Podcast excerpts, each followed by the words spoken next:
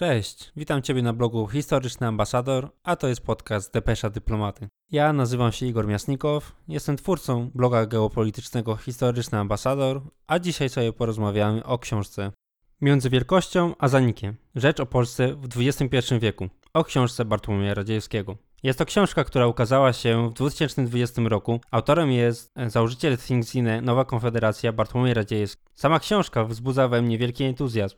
Autor prawidłowo wskazuje na obszary do krytycznej analizy stanu Polski w systemie międzynarodowym, jak i samej kondycji ładu gospodarczego, społecznego, instytucjonalno-politycznego w Polsce oraz na świecie. Struktura książki jest złożona z artykułów analitycznych w sposób chronologiczny, co pokazuje, że autor od dawna zastanawiał się nad przyszłością Polski i z czasem sięgał w większe warstwy celnych analiz. Wywody autora podzieliłem na trzy główne części. Pierwszą z nich jest liberalny porządek międzynarodowy, który ulega rozkładowi. Powodem są strukturalne zmiany w politycznej architekturze świata. Drugie. Kryzys demokracji liberalnej rozkłada wewnętrznie cywilizację Zachodu. Trzecim elementem są polskie elity, które uwierzyły w postpolitykę, czyli tzw. Tak wieczny pokój zamiast walki o własne interesy. Wróćmy do punktu pierwszego. Bartłomiej Radziejewski rozpoczyna swoją książkę pisząc o tym, że wiek XXI miał być stuleciem końca historii, a okazał się czasem jej wielkiego przyspieszenia, również dla Polski. Mieliśmy obserwować kolejne triumfy liberalnej demokracji wolnorynkowej gospodarki, szerzenie się pokoju i stabilności. Widzimy jednak ich przeciwieństwa, a to dopiero początek. Są to słuszne uwagi. Wraz z początkiem kryzysu finansowego w 2008 roku wiodąca rola zachodnich instytucji finansowych stworzonych pod egidą Stanów Zjednoczonych, jak i całego ładu gospodarczego powstałego w 1944 roku, zaktualizowanym pod, pod koniec lat 80. XX wieku przez tzw. Tak konsensus waszyngtoński, został poważnie zakwestionowany. Przedłużająca się wojna na większym Bliskim Wschodzie uwydatniła, że Zachód nie posiada świeżych idei, które pozwoliłyby na utrzymanie prymatu cywilizacji Zachodu na świecie. Wojna w Zatoce Perskiej w latach 90. pokazała wyższość kompleksu przemysłowo-militarnego Zachodu, skutecznie zniechęcając pozostałe kraje do tworzenia tzw. Koalicji balansującej hegemona. Zaangażowanie w wojnę z terroryzmem rozciągało zaangażowanie Stanów Zjednoczonych na inne regiony w celu przeciwdziałania powstawaniu potencjalnych regionalnych hegemonii, które by mogły kontrolować przepływy surowców energetycznych. Przedłużające się zaangażowanie w Iraku oraz Afganistanie powodowało, że społeczność międzynarodowa zaczęła wątpić w iluzję prosperity oraz intencji Stanów Zjednoczonych. Państwa zaczęły szukać własnej drogi. W konsekwencji nastąpił kryzys przywództwa i demokracji na świecie. Autor akcentuje w swojej książce pisząc: Liberalny porządek międzynarodowy ulega rozkładowi. Powodem nie jest jak często możemy usłyszeć, szaleństwu tego czy innego przywódcy, ale strukturalne zmiany w politycznej architekturze świata. Po zakończeniu zimnej wojny nastąpił triumf liberalnych zasad. Gospodarka Stanów Zjednoczonych została silnie sprzężona przede wszystkim z krajami azjatyckimi dzięki przeniesieniu swojego przemysłu ciężkiego na nowe obszary, powodując deindustrializację Zachodu, gdzie wytwarzanie tych samych towarów było znacząco tańsze, a tym samym inwestorzy, czyli korporacje, mogły liczyć na ogromne zwroty z inwestycji. Indeksy na Wall Street szybowały nieustannie w górę. Nastała era konsumpcjonizmu. Nastąpiła zmiana kulturowa wśród społeczeństwa oraz zmiana wyceny władztwa z władzy politycznej na ekonomiczną. Tym samym Zachód przekapił wzrost Chin, które w 2001 roku zostały włączone do systemu międzynarodowego poprzez Światową Organizację Handlu. Bartłomiej Radziejewski w swojej książce pisze: Najważniejszym zagrożeniem jest wielki wzrost potęgi Chin, połączony z zaprzęgnięciem przez nie globalizacji i międzynarodowych reguł liberalnych do pracy w pierwszym rzędzie na korzyść tego państwa cywilizacji. To rozsadza świat, jaki znamy, niepokojąc amerykańskie elity i zmuszając je do szukania nowych rozwiązań politycznych. Leży u podstaw nowej zimnej wojny, która moim zdaniem trwa już od 2018 roku. Na dalszych stronach książki możemy znaleźć zdanie. Rywalizacja pomiędzy supermocarstwami ze stolicami w Waszyngtonie i Pekinie powoduje trend przesuwania się względnej potęgi z zachodu do Azji. Stojący w obliczu największego od kilkuset lat wyzwania dla swojej globalnej roli Zachód, zamiast się konsolidować, coraz bardziej się dzieli. I to nie tylko wzdłuż granic kontynentów i państw, lecz także w obrębie własnych społeczeństw. W książce czytelnik może zauważyć oczywisty wniosek, że system międzynarodowy jest oparty o amerykańskiego dolara, Autor przywołuje koncepcję systemowych cyklów akumulacji autorstwa Giovanniego Arrighi, który składa się z dwóch zasadniczych faz ekspansji kapitału. Pierwsza z nich to faza ekspansji handlowo-przemysłowej, dająca realne wartości materialne. Natomiast druga z nich to ekspansja finansowa, czyli spekulacyjna, wytwarzająca iluzję bogactwa oraz nadprodukcję zbędnych towarów. Autor słusznie zauważa, że faza druga jest związana z konsumpcjonizmem i presją proinflacyjną, aby zapewnić płynność finansową. Prowadzi to do spekulacji na rynkach poprzez silne zaufanie do waluty i zasad handlu oraz jego mechanizmów. Banki, które są strażnikami pieniądza, w tej sytuacji skłaniają się do powiększenia swoich zysków i stosują praktyki systemu rezerw cząstkowych, co w konsekwencji prowadzi do psucia wartości pieniądza, pojawiania się napięć i kryzysów, a finalnie do załamania rynków i wyłonienia nowego centrum organizacyjnego. Świetnie o tym pisze hiszpański ekonomista Jesus Huerta de Soto w książce pod tytułem Pieniądz kredyt bankowy i cykle koniunkturalne. I serdecznie zachęcam do lektury również tej książki. Koncepcję systemowych cyklów akumulacji rozszerzyłbym o cykle koniunkturalne w dobie rywalizacji mocarstw. Jak to przekłada się na okresy hegemoniczne, przeczytają Państwo w moim artykule, który zamieszczam poniżej w opisie. Wracając do książki. Kapitał posiada narodowość. Zaufanie do waluty to zaufanie społeczności międzynarodowej do państwa, które jest uznawane za wiarygodne, a jego waluta jest powszechnie akceptowalna. Między innymi dlatego wiarygodność państw na arenie międzynarodowej jest tak istotna. Kraj, którego waluta pełni rolę waluty rezerwowej, posiada stabilny system polityczny, silny sektor finansowy, sprawnie egzekwuje prawo i posiada siłę militarną, która strzeże przestrzegania zasad ładu międzynarodowego. Ma to również swoje konsekwencje. Im wyższe zaufanie społeczne do waluty, tym większa pokusa do prowadzenia działalności spekulacyjnej bez pokrycia przez najbardziej potężnych graczy, by zyskiwać przewagi. Stany Zjednoczone korzystają z tego przywileju poprzez dodruk taniego dolara. Pogarszają bilanse handlowe swoich partnerów poprzez przerzucanie swojej inflacji na inne państwa posiadające dewizy dolarowe lub handlujące w dolarze. Autor książki zauważa, że cywilizacja Zachodu znajduje się w fazie zmierzchu, a tego symbolami są m.in. wzrost znaczenia bloków regionalnych, np. regionalne kompleksowe partnerstwo gospodarcze, recept Najniższy w historii poziom walut rezerwowych w dewizach dolarowych posiadanych przez państwa systemu międzynarodowego. Obecnie jest to około 60% wszystkich walut rezerwowych. Następnie globalny wyścig po złoto. Więcej Państwo mogą usłyszeć w moim wywiadzie z generałem Waldemarem Skrzypczakiem pod tytułem Wyzwania militarne dla strategii Polski w kontekście globalnej gry mocarstw. Następnie Bartłomiej Radziejewski pisze że gwałtowny spadek wartości dewizowych w amerykańskim dolarze, m.in. poprzez proces repurchase agreement dolara, zwiastuje niepewność rynku finansowych. Dodruk taniego dolara, czyli eksport wspomnianej inflacji Stanów Zjednoczonych na inne państwa przez tzw. Tak quantitative easing. Autor książki stawia słuszną tezę, że gdy narasta kryzys strukturalny na arenie międzynarodowej, to drenaż peryferii się wzmaga, by metropolia mogła go przetrwać i przezwyciężyć, bo zaczyna po prostu jej brakować zasobów. Takie postępowanie mocarstw jest zgodne z założeniami teorii realizmu ofensywnego ukutego przez Johna Messheimera, który mówi, iż istnieją na świecie jedynie mocarstwa regionalne, a Stany Zjednoczone po II wojnie światowej skutecznie rozbijają koalicje balansujące. Obecnie możemy zaobserwować proces policentryzacji świata, w którym regionalni hegemonii będą decydować o losach peryferii oraz o podziale stref wpływów. Profesor Messheimer wspomina w swojej książce Tragizm polityki mocarstw, że hegemon, który traci na sile, zaczyna przerzucać odpowiedzialność na inne regionalne mocarstwa, na przykład w kwestii zapewnienia bezpieczeństwa na Global Commons czy bycia mediatorem konfliktów. Tym samym hegemon może przyjąć pozycję offshore balancera i zdobyć na czasie na wzmocnienie swojej pozycji. Więcej Państwo mogą o tym usłyszeć w moim wywiadzie z ministrem Radosławem Sikorskim. Zgodnie z tymi założeniami autor kontynuuje swój wywód, zauważając, że Stany Zjednoczone za prezydenturę Donalda Trumpa zmieniły swoją politykę wobec innych państw z modelu solidarnościowego na transakcyjny, wymagając od swoich sojuszników wypełniania w sposób dwustronny swoich zobowiązań. Sojusznicy Stanów Zjednoczonych tym Polska, nie są gotowi na tak dynamiczną zmianę status quo, co powoduje niepewność wśród nich i szukają stabilizacji w dawnych relacjach i zasad handlowych w innych graczach, np. w Chinach, które w 2017 roku w Davos stały się obrońcą wolnego świata handlu. Silna gospodarka kapitalistyczna posiada silny aparat egzekwowania władzy, to znaczy siłę militarną, autorytet prawny i siłę gospodarczą, co umożliwia wpływanie na zachowanie innych graczy. Liberalizm nie jest liberalny, Normy liberalizmu, na przykład w strefie wymiany handlowej, są narzucane i trzeba umieć ich chronić oraz egzekwować. W grze Mozart liczy się gra swoją potęgą w czasie i przestrzeni, a nie gra statystyk. Następuje powrót do power politics. Istotną kwestią jest krótki akcent pojawiający się w tej książce, a mianowicie zaznaczeniem kwestii Turcji wobec Europy, która trzyma bezpieczeństwo demograficzne Europy oraz kwestii Rosji jako mocarstwa koncesyjnego, która to pozycja wzmacnia jej atrakcyjność na arenie międzynarodowej. Oba te kraje realizują swoje interesy zgodnie z zasadami realpolitik, a Polska nie potrafi w taki sposób egzekwować swoich interesów. Dodatkowym elementem jest fakt, że Polska po 2015 roku zdecydowanie opowiedziała się po stronie obozu amerykańskiego. Stwarza to problem w manewrze na arenie międzynarodowej.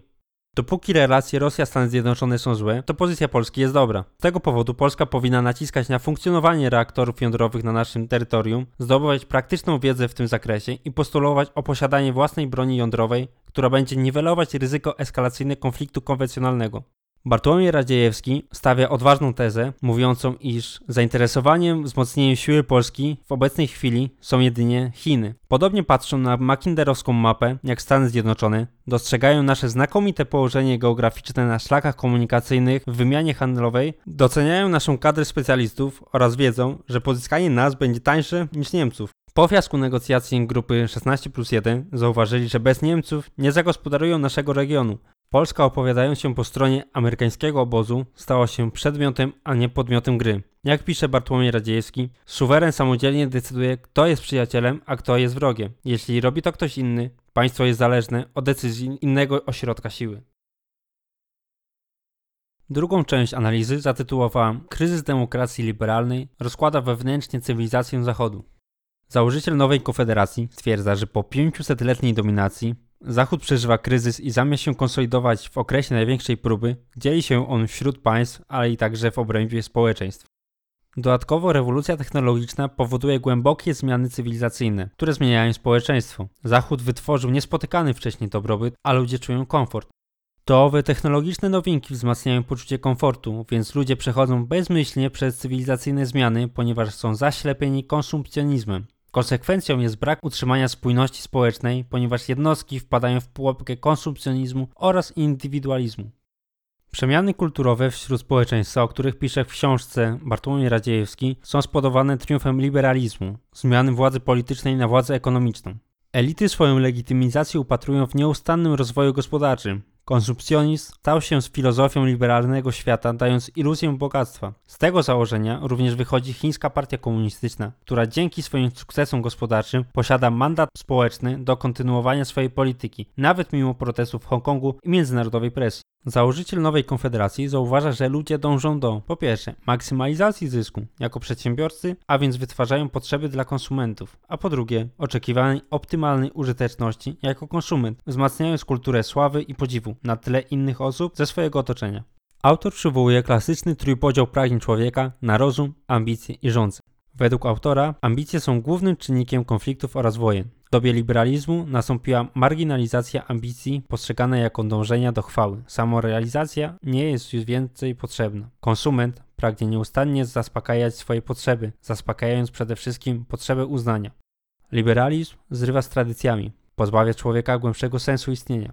Spełnienie swoich potrzeb konsument upatruje w social mediach. Natomiast od władzy ludzie oczekują dostępu do strumieni pieniężnych, stabilności i dobrobytu oraz oczekują bezpieczeństwa. Taki stan rzeczy prowadzi do tego, że społeczeństwo będzie stopniowo pozbawiane wolności. Powoduje to rozkład społeczeństwa poprzez stworzenie kultury hiperdemokracji oraz zjawiska zadufanego paniczyka. Hiperdemokracja termin stworzony przez hiszpańskiego filozofa José Ortega y Gasset, która mówi, że masy są przekonane o tym, że mają prawo nadawać moc prawną i narzucać innym swoje racje. Natomiast zadufany paniczyk żywi przekonanie, że posiada wszelkie możliwe prawa i nie ma przy tym żadnych obowiązków, a jego nastawienie do świata cechuje połączenie dążenia do niczym nieskrępowanej ekspansji życiowej do pełniejszej realizacji swoich stale rosnących potrzeb z całkowitym brakiem wdzięczności względem tych, którzy mu ową ekspansję umożliwili.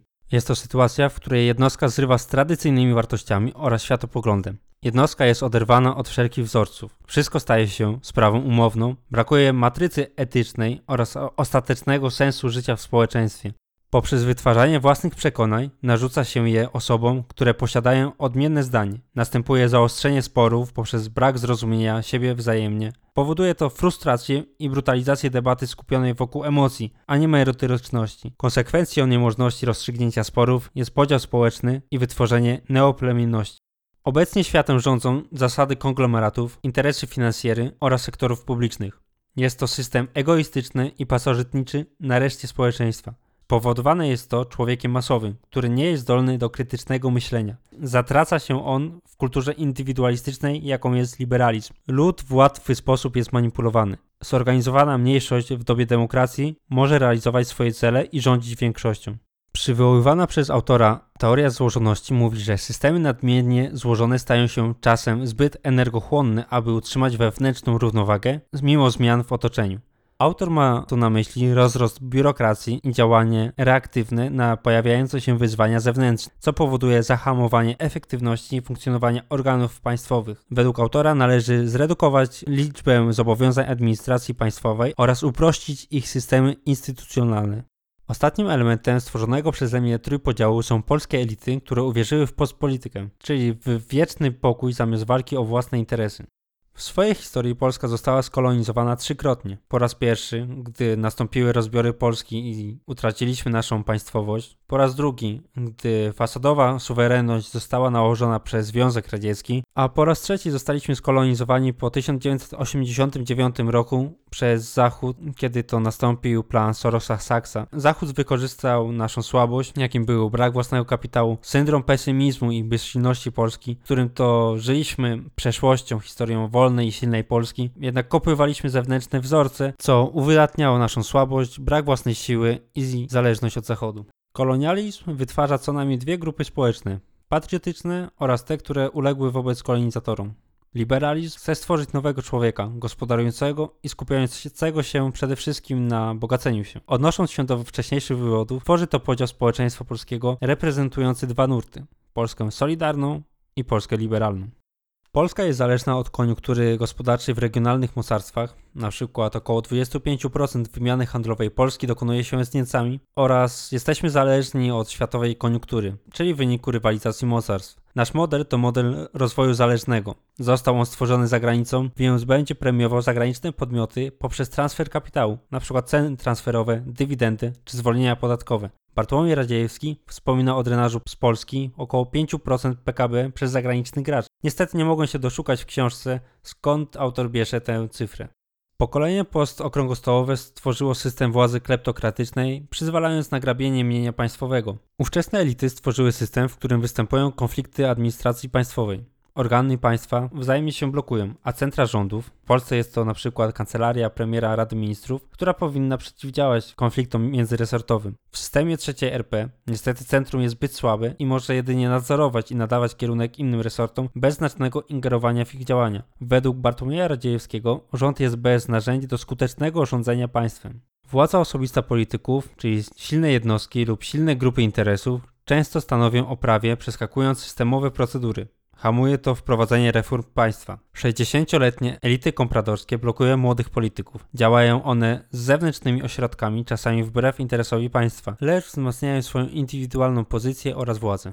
Powstał silny system Deep State, który mami społeczeństwo. Tak przemocą symboliczną, czyli omijaniu kluczowych tematów z premedytacją po to, by angażować energię społeczną na sprawy mało istotne z punktu widzenia grup interesów. Autor opisuje to słowami że dominujące grupy interesów, czyli Deep State, wytwarzają takie systemy znaczeń, w których rzeczywisty układ sił, będący podstawą ich dominacji, jest szczelnie ukryty pod pozorem sprawiedliwego ładu i dzięki temu powszechnie odbierany jako prawomocny. Przemoc symboliczna jest najskuteczniejsza, im bardziej jest ona ukryta. Bartłomiej Radziejewski stwierdza, że Polska otrzymuje wątpliwe korzyści z Unii Europejskiej, a rozwiązaniem na to jest repolonizacja polskiej gospodarki, by wziąć odpowiedzialność za kierunek swojego losu. Przywołuje on tutaj słowa Karla Schmidta, który powiedział: Jeśli się nie weźmie odpowiedzialności za swój los, to zrobi to ktoś inny. Polska niestety nie posiada jeszcze własnej siły, by móc samodzielnie prowadzić działania na arenie międzynarodowej czy nawet regionalnej. Musi opierać się o siłę silniejszego gracza lub skutecznie zawiązywać system sojuszy, np. Grupy Wyszehradzką. Polska jest jednak na tyle istotnym graczem pod względem demograficznym, kulturowym, gospodarczym, geograficznym i militarnym, że bez niej nie można tworzyć nowego ładu europejskiego. Należy poważnie traktować ideę federalnej Europy, ponieważ do polityki wchodzą nowi ludzie z nowymi koncepcjami władzy. W dobie powrotu do power politics, gdzie normy schodzą na dalszy plan, polskie ruchy muszą być zdecydowane, by nie zaprzepaścić szansy na prowadzenie polityki wielowektorowej, jak w przypadku grupy 16 plus 1. Radziejewski postuluje, by polskie elity tworzyły sprawnie działające think tanki, Polska cierpi na nadmiar specjalistów, którzy nie są w stanie myśleć interdyscyplinarnie. Powoduje to, że reformy są niskiej jakości, polskie elity działają reaktywnie i hamują rozwój. Według Bartłomieja Radziejewskiego Polska powinna skłaniać się ku zmianie systemu wartości elit rządzących poprzez przyjęcie republikanizmu. Chodzi o połączenie wpływów ludu, elit i wybitnych przywódców, aby wykorzystać jak najwięcej osób i żywiołów dla dobra wspólnego, aby wpływy się balansowały i ograniczały, tzw. mechanizm check and balance, minimalizując ryzyko wystąpienia tyranii. A więc przejdźmy do zakończenia. Osobiście wyrażam ogromną chęć przeczytania dalszych części wywodu Bartłomieja Radziejewskiego. Autor w sposób precyzyjny nakreśla bolączki polskiego i międzynarodowego systemu oraz dawkowo daje rozwiązania. Pandemia COVID-19 jest akceleratorem zmian w układzie sił na arenie międzynarodowej. Polska niestety nie jest w stanie samodzielnie im sprostać. Bartłomiej Radziejewski w sposób interdyscyplinarny porusza się w każdym ze swoich artykułów merytorycznie, uzasadniając swoje argumenty i wykuwając trafne tezy. Niezwykle spodobała mi się syntetyczna analiza polskiego systemu władzy oraz społeczeństwa liberalnego. Jak polskie elity, czy też światowe, postrzegają ideę liberalizmu i dlaczego system trwa w takiej konfiguracji. Tezy założyciela Nowej Konfederacji świetnie uzupełniają się wzajemnie z książką Olivera Bulloga, Kraina Szmalu, który opowiada o zasadach funkcjonowania Deep State. Teraz się skupię na tym, czego mi zabrakło w tej książce. Na konkretnych obszarach wypracowania mechanizmów współpracy lub wskazania intencji obszaru do współpracy Polski z Europą Zachodnią, Stanami Zjednoczonymi, Rosją, Chinami. Niemiecka minister obrony Annegret Kramp-Karrenbauer stwierdziła, że idea strategicznej autonomii Europy posuwa się za daleko, sprzyja wytwarzaniu iluzji, że możemy zagwarantować bezpieczeństwo, stabilność i dobrobyt w Europie bez NATO i bez USA. Polska musi zdawać sobie sprawę ze swojej wagi, nie w teoretycznych założeniach, a umiejętnie zabiegać o swoje interesy i egzekwować. Tak jak zauważył Bartłomiej Radziejewski, bez Polski nie można układać systemu europejskiego. Zabrakło mi szczegółowych wywodów na poniższe tematy. Na jakich warunkach miałaby przystąpić Polska do federalnej Europy? Jaką ofertę cywilizacyjno-gospodarczą Polska może zaoferować państwom Trójmorza, tworząc własny blok współpracy jako centrum grawitacji? Jak Polska może zyskiwać w prowadzeniu polityki wielowektorowej i czy taka polityka z obecną elitą polityczną jest możliwa do zrealizowania? Książka autorstwa założyciela Nowej Konfederacji Bartłomieja Radziejewskiego z pewnością wprowadza intelektualny niepokój i skłania do głębokiej refleksji nad geopolitycznym systemem międzynarodowym, systemem moralnych wartości obecnego liberalnego ładu, struktury władzy w Polsce. Wiele aspektów książki zachęcam, by samodzielnie Państwo odkrywali, ponieważ skrywa ona o wiele więcej tematów niż te, które poruszyliśmy. Z wielkim entuzjazmem zachęcam Państwa do zakupu książki Między Wielkością a Zanikiem Rzecz o Polsce w XXI wieku autorstwa Bartłomieja Radziejskiego. A Państwa zapraszam do zapoznania się z geopolitycznymi artykułami analitycznymi na stronie historycznyambasador.com. Dziękuję Państwu za wsparcie, za wspólnie spędzony czas podcastem Depesza Dyplomaty i zachęcam do zapoznania się z moją działalnością.